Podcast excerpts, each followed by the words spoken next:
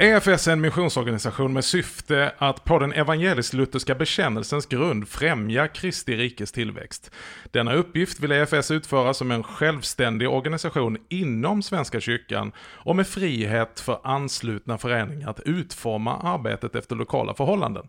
EFS strategiska position i kristenheten är som självständig rörelse inom Svenska kyrkan. Ja, det här är lite grann från riktlinjerna i EFS och vi är mitt uppe i ett samtal om samverkan och EFS roll som en inomkyrklig väckelserörelse i Svenska kyrkan och det här är Reformera-podden och vi pratar om helkyrklighet. Med mig i studion så har jag Johan Eriksson, chefredaktör för Budbäraren och kommunikationschef i EFS och så har vi tillbaka Sara Nilsson Edström, församlingsherde i Gamla Uppsala församling. Mer om detta strax.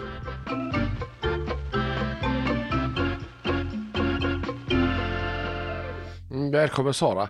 Vi hade ett jättebra samtal här förra veckan med dig och det väcker ju massa frågor och jag, jag tänker nu när man har eh, en församlingsherde här på plats. Jag har ju alltid frågat det att ofta så fungerar det så väldigt bra med Svenska kyrkan och vi har så många positiva exempel.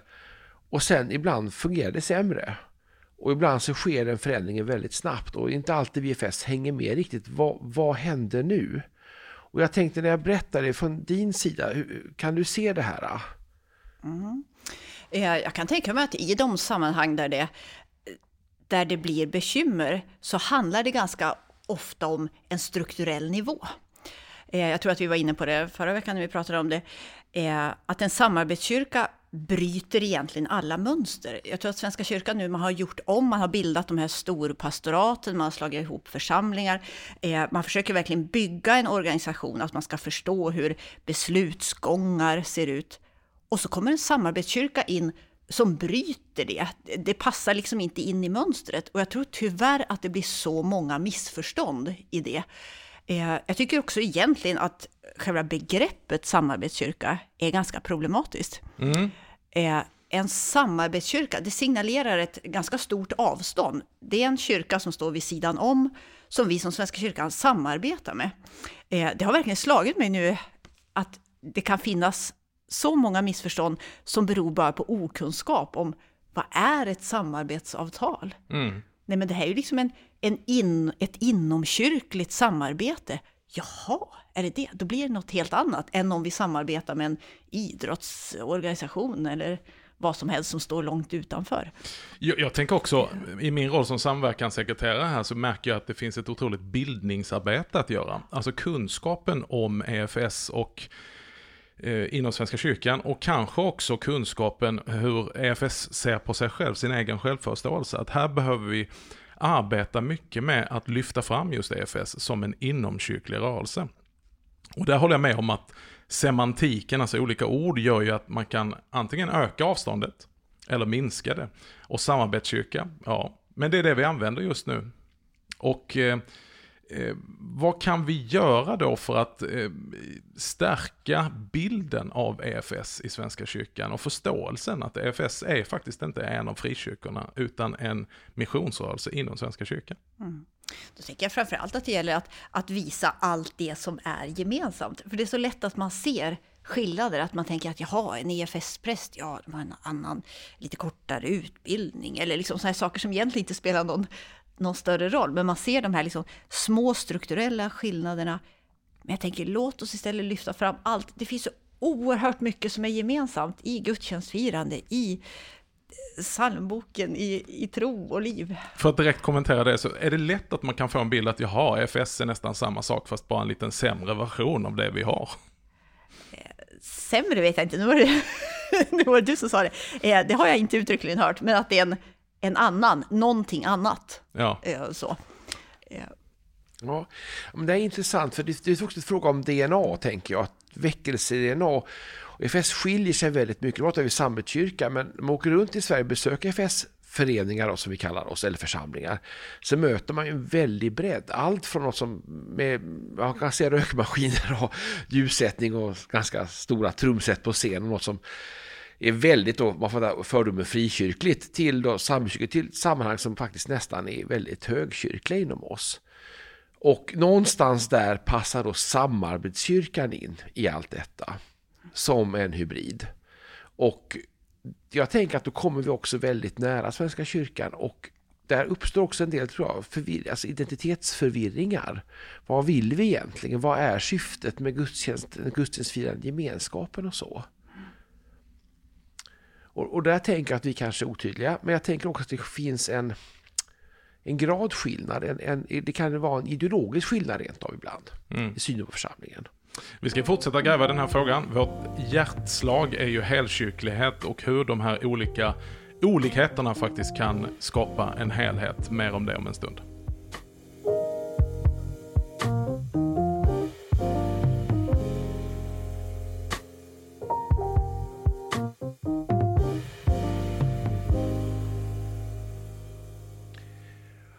Och jag ska förtydliga vad jag pratar om egentligen. Jag tänker att vi har ett tydligt pietistiskt arv i FS. Alltså förenklat, vi tror på den personliga omvändelsen, den personliga relationen med Jesus Kristus som vår frälsare och Herre.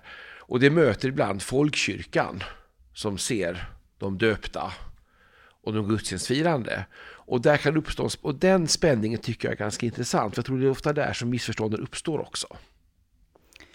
Det kan det vara, eh, absolut. Dels så handlar det om, som vi varit inne på tidigare, det handlar om ett språkbruk.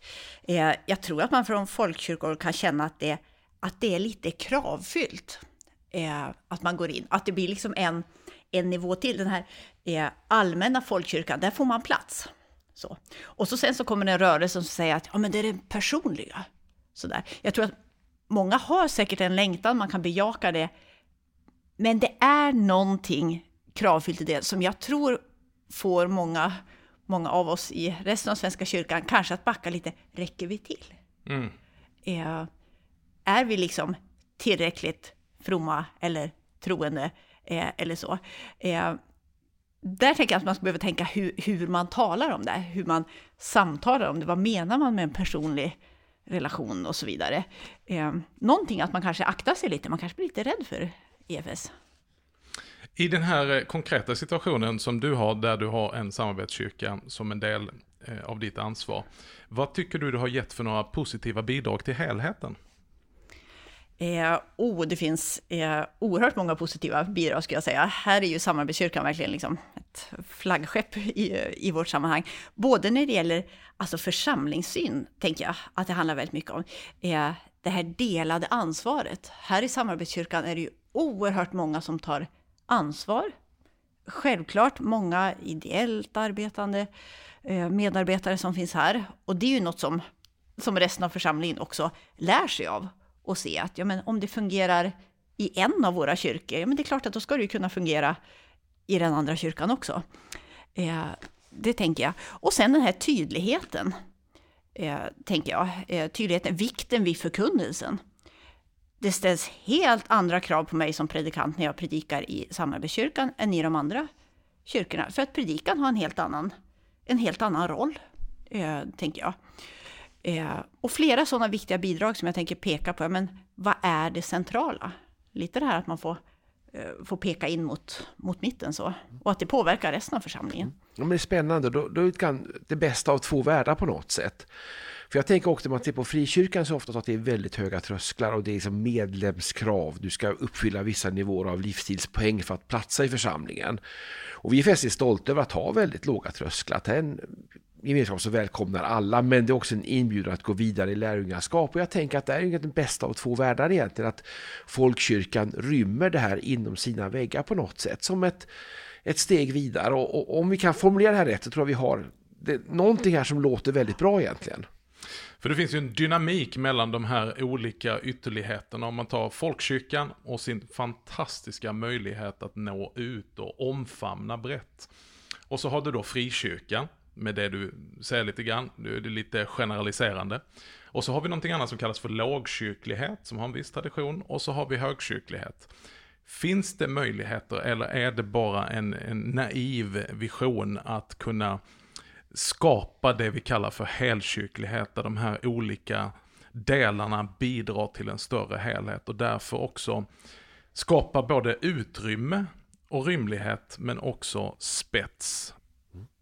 Du tog ju en väldigt vacker bild av det här stora kryssningsfartyget i förra eh, samtalet här Sara. Det var väldigt, väldigt intressant. Jag, jag tänker att jag ska också ta bilden av en katedral som har en stor rymd och som har många sidokapell där det ryms många fromhetstraditioner.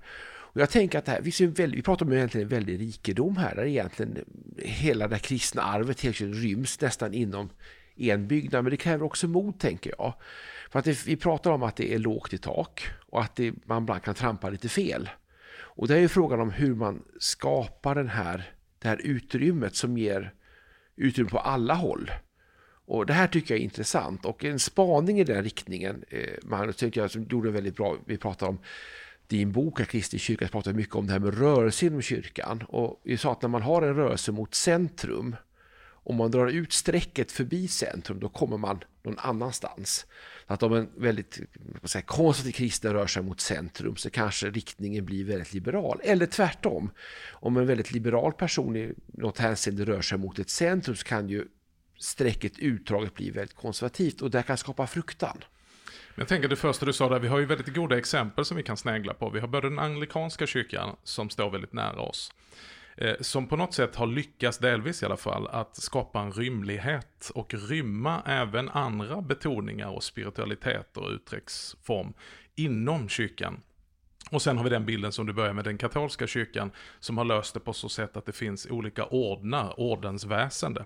Eh, och där har vi det här med sidoaltare och sidokapell och så vidare, men fortfarande inom en och samma katedral. Är det en möjlig bild för Svenska kyrkan i framtiden? Ja, absolut, det tror jag. För jag tror att det handlar väldigt mycket om att hitta det här. Vad är den grund som bär?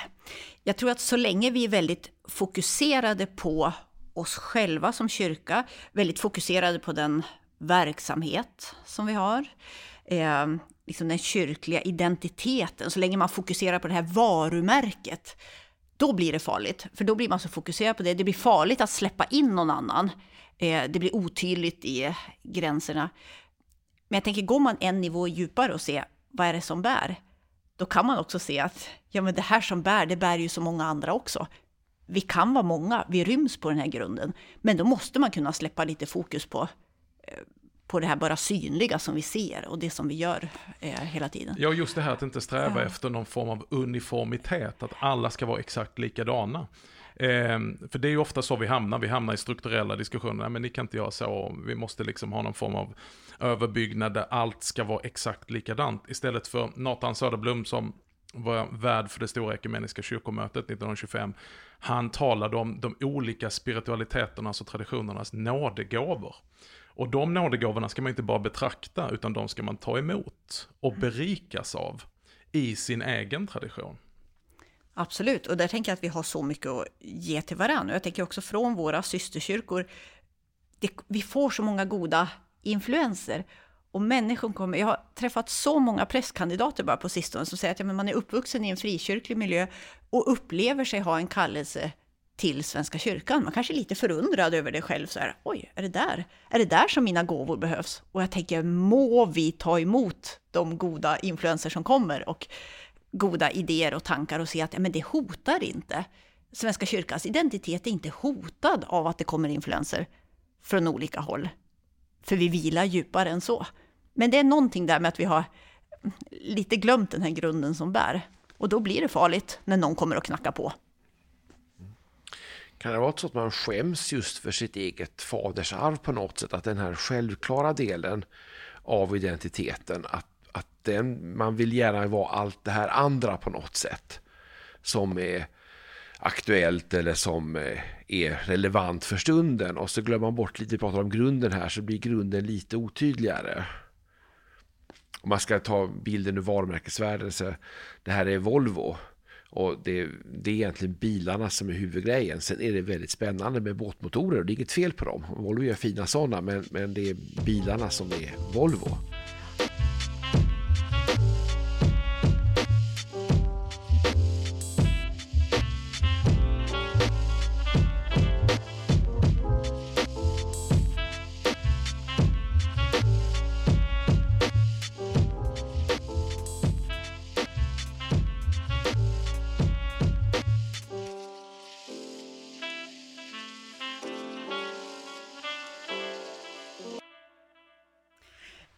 Jag tänker på Magnus, den första gången när jag hörde det här begreppet helkyrklighet, det var faktiskt i ett mejl från dig. Vi hade aldrig träffats då, utan vi hade en väldigt god mejlkonversation först. Sådär. Just. Eh, jag hade då liksom börjat upptäcka EFS eh, lite mer sådär.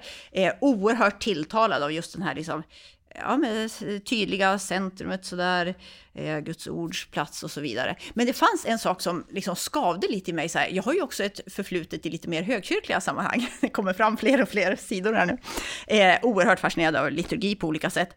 Och det kände jag, ja, det har inte riktigt den här liksom framträdande platsen i EFS. Jag tänkte att nej, men jag kan nog inte riktigt gå in i det här EFS-sammanhanget. Sådär. Och så var det någon som nämnde för mig att ja, men det är Magnus Persson, han är ju rätt högkyrklig sådär.